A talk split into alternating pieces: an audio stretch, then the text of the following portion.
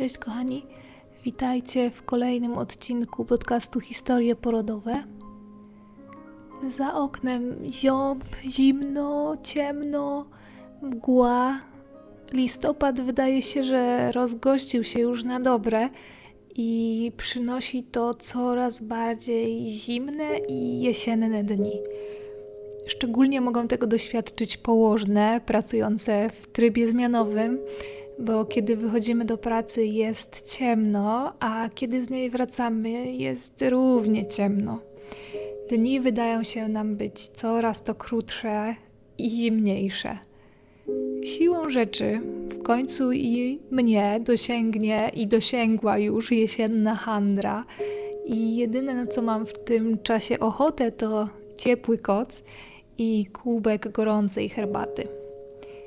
Kiedyś e, słyszałam w takim podcaście o tematyce psychologicznej, bo nie tylko słucham podcastów o tematyce kulinarnej, e, że osobie, która jest smutna, czy jeśli jest w jakimś kryzysie, to najlepiej zrobić ciepłą herbatę i przykryć mocno kocykiem.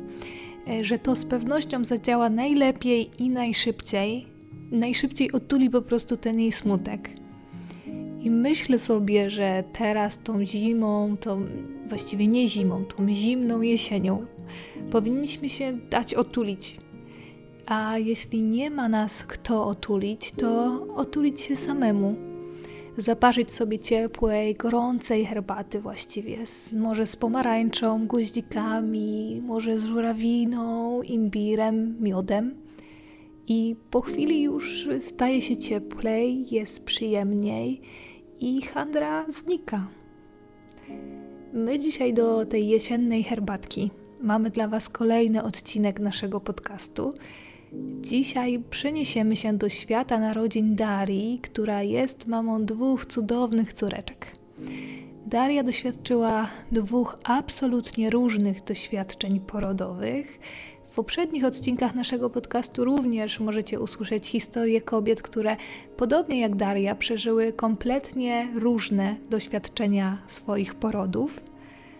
Na początku bardzo chciałabym Was uwrażliwić na to, że odbiór porodu przez kobietę, która w tym porodzie jest, która rodzi, jest jej, tylko i wyłącznie jej osobistym doświadczeniem. Wszystkie osoby towarzyszące, położne, które są z nią e, przy tym porodzie, przyglądają się, trwają e, razem z nią, one tylko obserwują ten poród, natomiast to kobieta odczuwa każdy skurcz i ona interpretuje te odczucia na swój własny sposób. I to, co z naszej perspektywy wygląda normalnie, fizjologicznie, dla kobiety rodzącej może być czymś kompletnie innym.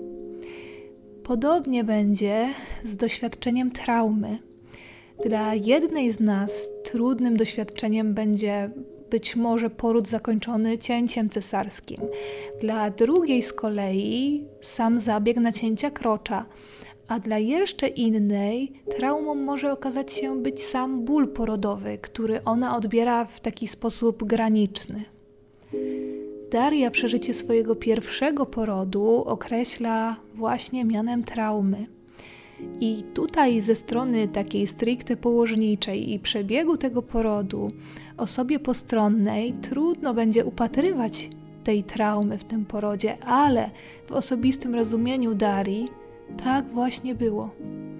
Warto zwrócić uwagę tutaj na to, o czym Daria wspomina na początku tej historii Wyrastała w domu pełnym dzieci, młodszych kuzynów, y, otaczały ją różne doświadczenia porodowe różnych kobiet. Kiedy tylko Daria dowiedziała się o ciąży, napisała, że radość mieszała się z lękiem. Wydaje się, że Daria mogła mieć w sobie zakorzeniony gdzieś tam głęboko strach i lęk przed porodem. Właściwie nawet długo przed porodem, zanim w ogóle ona była w ciąży podświadomie budowała w sobie strach, który spotęgował się podczas porodu jej pierwszej córeczki.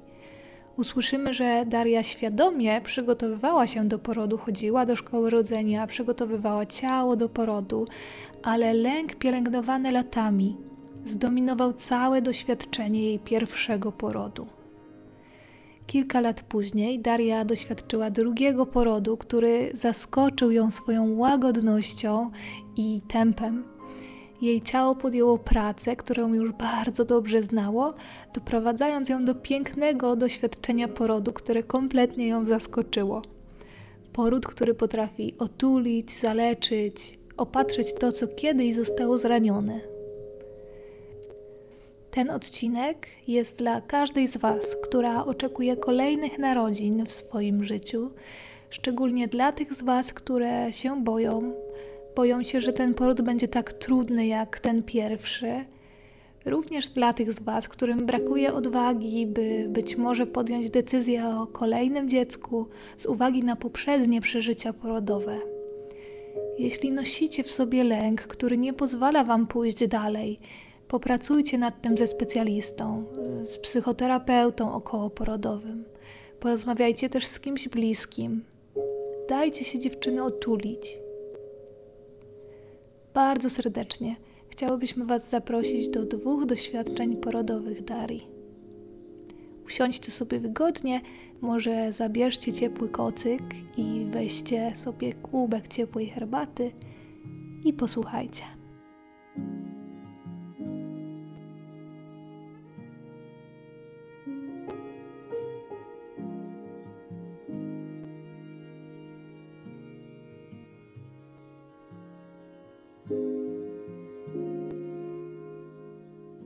Jestem mamą dwóch cudownych dziewczynek, Emilki i Gabrysi. Emilka przyszła na świat w lipcu 2018 roku, a Gabrysia w marcu 2022 roku. Gdyby pierwszy poród przeszedł inaczej, możliwe, że różnica wieku między dziewczynkami byłaby mniejsza. Zawsze bałam się tego dnia gdy zaszłam w ciążę, radość mieszała się z lękiem i strachem. Nie wiem do końca, z czego to wynikało. Mam sporo młodszego kuzynostwa i chcąc nie chcąc, widziałam i słyszałam od dziecka opowieści ciążowo-porodowe. Może to wpłynęło na mój lęk? Nastawienie do porodu miałam nie najlepsze. Zdarzało mi się popłakać ze strachu na samą myśl o tym dniu. Lipiec 2018 roku był wyjątkowo gorący. Byłam opuchnięta, sporo przytyłam i ledwo funkcjonowałam w tej gorączce. Nie mogłam się doczekać rozwiązania, a z drugiej strony bardzo nie chciałam, żeby ten dzień nastąpił. Mocno bałam się porodu, dlatego że chciałam być do niego dobrze przygotowana. Chodziłam do szkoły rodzenia, ćwiczyłam mięśnie kegla oraz oddychanie, przeczytałam różne książki. Wszystko po to, żeby sobie dobrze poradzić i wiedzieć, jak się zachować w każdej możliwej sytuacji. Dzień przed porodem było spokojnie i nic nie wskazywało na to, że za kilkanaście godzin przywitamy Emilkę. Poszliśmy z mężem spać, tak jak zawsze, po 22. Nie zdążyłam zasnąć, bo zaczęły się skurcze. Nie były one silne, ale robiły się regularne.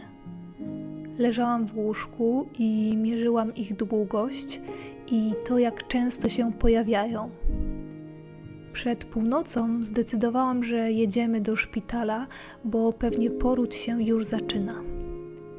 Najbardziej na świecie nie chciałam zacząć rodzić w domu czy w aucie, więc wolałam jechać za wcześnie niż za późno. Byłam trochę spanikowana, ale starałam się skupić na oddychaniu. Gdy dotarliśmy do szpitala, po niespełna pół godzinie zostałam przyjęta na izbę przyjęć i po zbadaniu przyjęto mnie na salę przedporodową na obserwację. Leżałam na sali z trzema innymi dziewczynami, wszystkie byłyśmy podpięte pod KTG. Mąż pojechał do domu się przespać, a ja z powodu emocji nie zmrużyłam oka. Skurcze były regularne, ale nie przybierały na mocy i tak minęła noc. A nad ranem o godzinie siódmej zapadła decyzja, że idę na porodówkę. Szybko zadzwoniłam po męża, by przyjechał mi towarzyszyć. Skurcze zaczęły przybierać na sile, ale odmówiłam przyjęcia leków przeciwbólowych, bo się nasłuchałam, że mogą mieć negatywny wpływ na dziecko. Po kilku godzinach poprosiłam o małą dawkę leku, lecz po godzinie marzyłam o jak największej możliwej. Skurcze przybierały coraz bardziej na mocy. Chciałam spacerować, ale nie mogłam się oddalić od sprzętu KTG na więcej niż jakiś metr. Sprawę utrudniał dodatkowo fakt, że co chwilę trzeba było poprawiać kabelki, bo sprzęt gubił tętno. A ja bardzo nie chciałam leżeć w łóżku, bo ból był wtedy bardziej odczuwalny. Większość porodu starałam się stać i opierać o łóżko. Mąż mnie masował i robił na zmianę zimne i gorące okłady, by ulżyć mi w bólu w okolicy kości krzyżowej. Gdy przychodził skurcz, nie byłam w stanie opanować swojego bólu. Około 16 stwierdzono, że jest pełne rozwarcie i będę mogła zacząć przeć. Czekałam na tę informację, bo odczuwałam na skurczach parcie już trochę wcześniej i musiałam mocno walczyć ze sobą, by to powstrzymać. Koniec porodu miał być już bliski. Byłam już tak bardzo wymęczona. Fazę parcia wspominam jako ulgę, jako najpiękniejszy moment tego dnia. Szło mi bardzo dobrze i jedyne co pamiętam to uczucie, jakbym się paliła. Jęczałam, że pali, i wtedy nastąpiło nacięcie, i na świecie o 16.55 pojawiła się zdrowa Emilka. Miała 4 kg i 58 cm. Dostałam córeczkę na klatkę piersiową, rozpłakałam się i dałam radę powiedzieć tylko: Ja urodziłam dziecko. Szczęście nie trwało długo, bo zrobiło mi się ciemno przed oczami. Emilkę zabrano ode mnie, bo zemdlałam. Ciśnienie spadło mi do 50 na 30, dostałam maseczkę z tlenem, przetoczono mi dwa worki krwi i podpięto mnie pod kroplówkę. Mąż był z córką przez dwie godziny, a ja leżałam pod tlenem. Po tych dwóch godzinach pojechał do domu. Emilkę zabrano na salę dla noworodków, a ja zostałam na sali porodowej i co chwilę ktoś przychodził sprawdzić mi ciśnienie i podłączyć nową kroplówkę. Całą noc spędziłam na sali, na której urodziłam. Dopiero nad ranem przewieziono mnie na oddział, gdzie po kilku godzinach przyprowadzono mi córeczkę. Emilka urodziła się o 16.55, a ja dopiero wzięłam ją na ręce po jakichś 15 godzinach. Bardzo źle się czułam. Karmienie nam nie szło, więc kilka razy Emilka dostała butelkę z glukozą. Połóg był ciężki. Podsumowując pierwszy poród, szykowałam się na ból, ale nie na aż taki i nie mówię tego o tym, żeby kogoś straszyć. Teraz wiem, że każdy poród jest inny i wcale nie musi być tak bolesny. Zastanawiałam się, czy ten poród mógł być inny, czy ja zrobiłam coś źle. Jedyne, co mogę sobie zarzucić, to zbyt szybki wyjazd do szpitala, a co za tym idzie ogromne zmęczenie i brak sił podczas ostatnich godzin porodu. Te wszystkie przeżycia sprawiły, że nie chciałam już nigdy więcej przechodzić przez poród. Ból, który doświadczyłam, przekroczył moje granice, a zawsze marzyłam o dwójce dzieci, rok po roku. Po trzech latach zaszłam w drugą ciążę. Tyle trwało zdobycie się na odwagę. Od razu przeczytałam wszystkie możliwe artykuły i fora na temat drugiego porodu. Wynikało z nich, że jest duże prawdopodobieństwo, że tym razem będzie szybciej i mniej boleśnie. Wbijałam sobie też do głowy, że nie ma takiej możliwości, żeby było gorzej niż przy pierwszym porodzie. Wiedziałam też, że nie mogę popełnić tego samego błędu i pojechać do szpitala za wcześnie.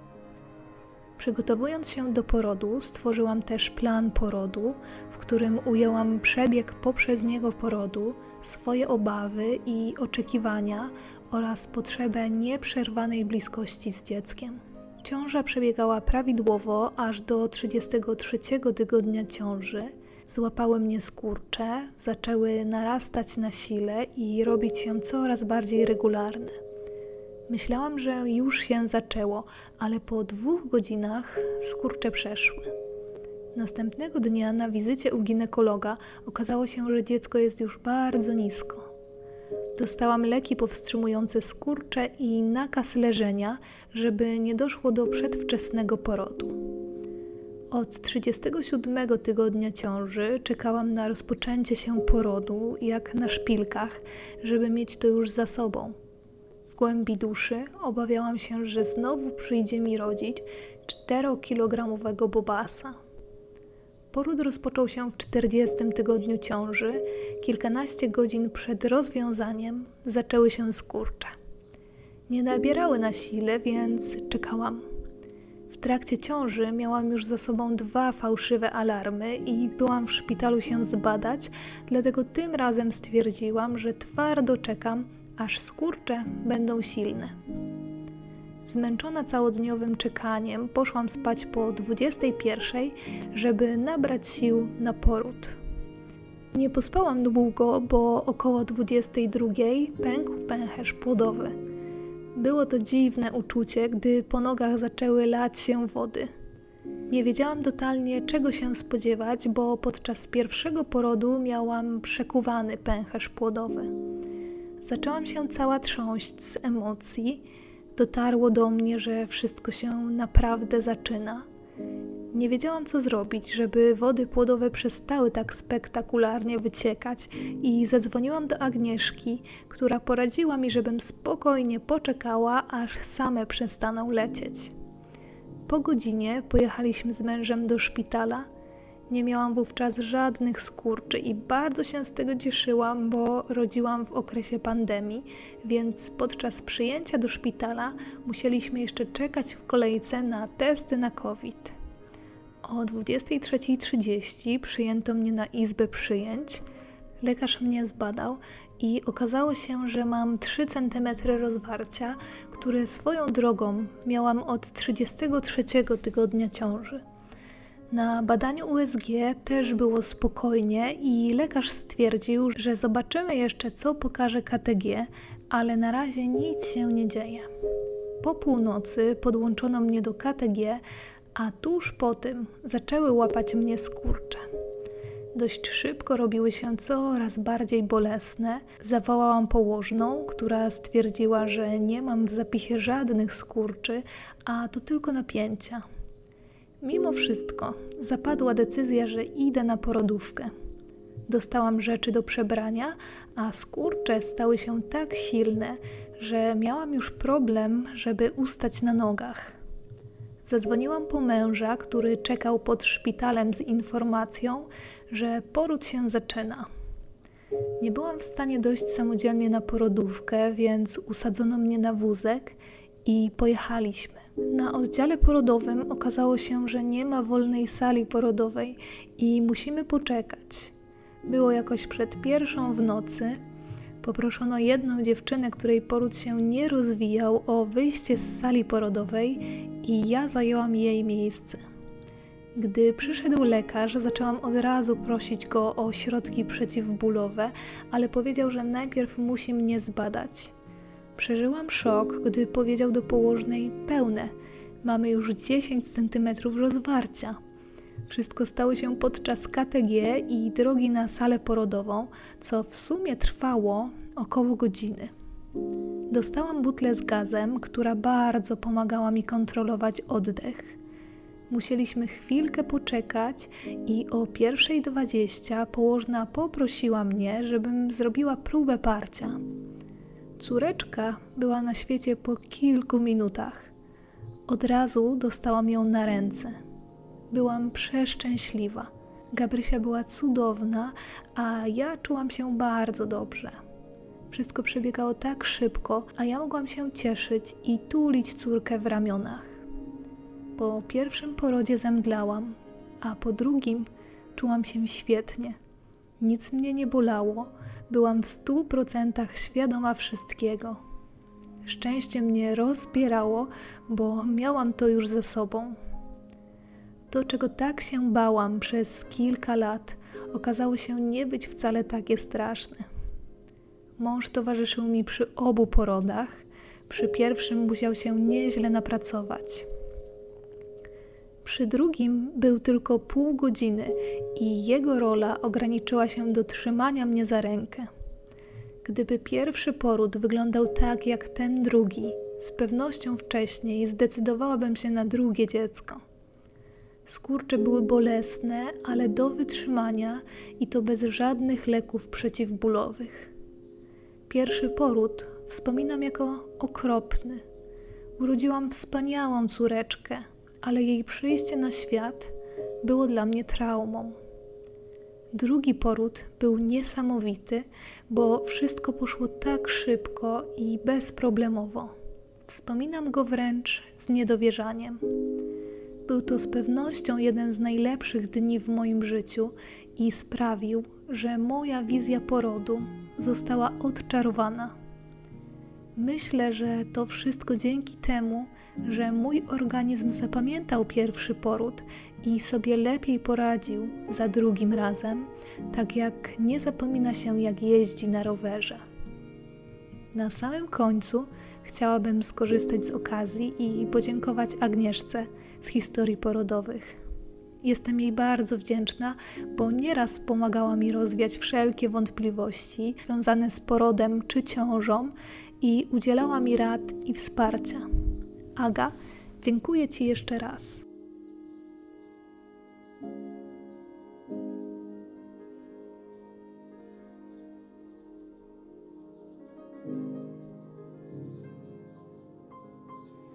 Bardzo dziękujemy za wysłuchanie kolejnego odcinka historii porodowych. Wielkie podziękowania dla Darii, która postanowiła podzielić się dwoma bardzo różnymi doświadczeniami porodu. Dziękujemy również Emilce i Gabrysi, które są również głównymi bohaterkami tych naszych dwóch historii porodowych. Dziękujemy również mężowi Darii. I na sam koniec posłuchajcie sobie jeszcze kilka słów od Agnieszki specjalnie dla Ciebie, Dario. A ja już się z Wami żegnam i do usłyszenia w kolejny czwartek.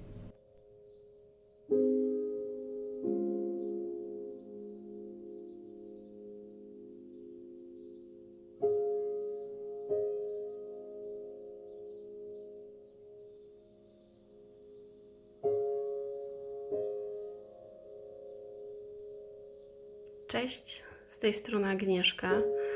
Chciałabym Wam dopowiedzieć jeszcze kilka zdań, e, ponieważ moim zdaniem trochę ich tam e, zabrakło. Daria naprawdę stresowała się przed porodem. E, ja miałam tą możliwość, żeby towarzyszyć jej w przygotowaniach do drugiego porodu. I ona przygotowywała się nie tylko fizycznie, ale też psychicznie. I razem wspólnie opracowywałyśmy między innymi plan porodu i plan działania na to, jak co zrobić, żeby te wspomnienia z drugiego porodu były lepsze, żeby ten poród przebiegł e, pomyślnie, żeby Daria miała z niego dobre wspomnienia. E, I oprócz tego mm, chciałyśmy wpisać, czego ona się w tym planie porodu najbardziej obawia z pierwszego porodu, e, czego nie chciałaby powtórzyć i opisać jej historię, żeby każdy, e, kto się z nią na sali porodowej spotka, miał wgląd też w to, co ona czuje. I z takich bardzo istotnych rzeczy, którą omawiając mm, całą sytuację.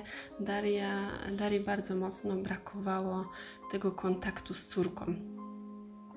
I, I pytając mnie wielokrotnie o to, jak to wygląda w szpitalu e, na Polnej, e, czy ona faktycznie dostanie dziecko skórę, w kontakcie skóra do skóry, e, jeżeli będzie dziecko badane przez lekarza, czy ona może przy tych badaniach być. I ja mówię, tego rodzaju pytania pojawiały się u Darii dosyć często. I powiem Wam, że ogromnie się cieszę, że Daria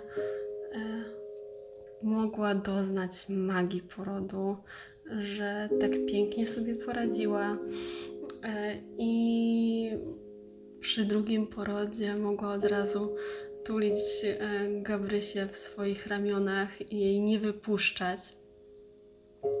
Więc, więc cieszę się bardzo. Daria, jesteś wielka.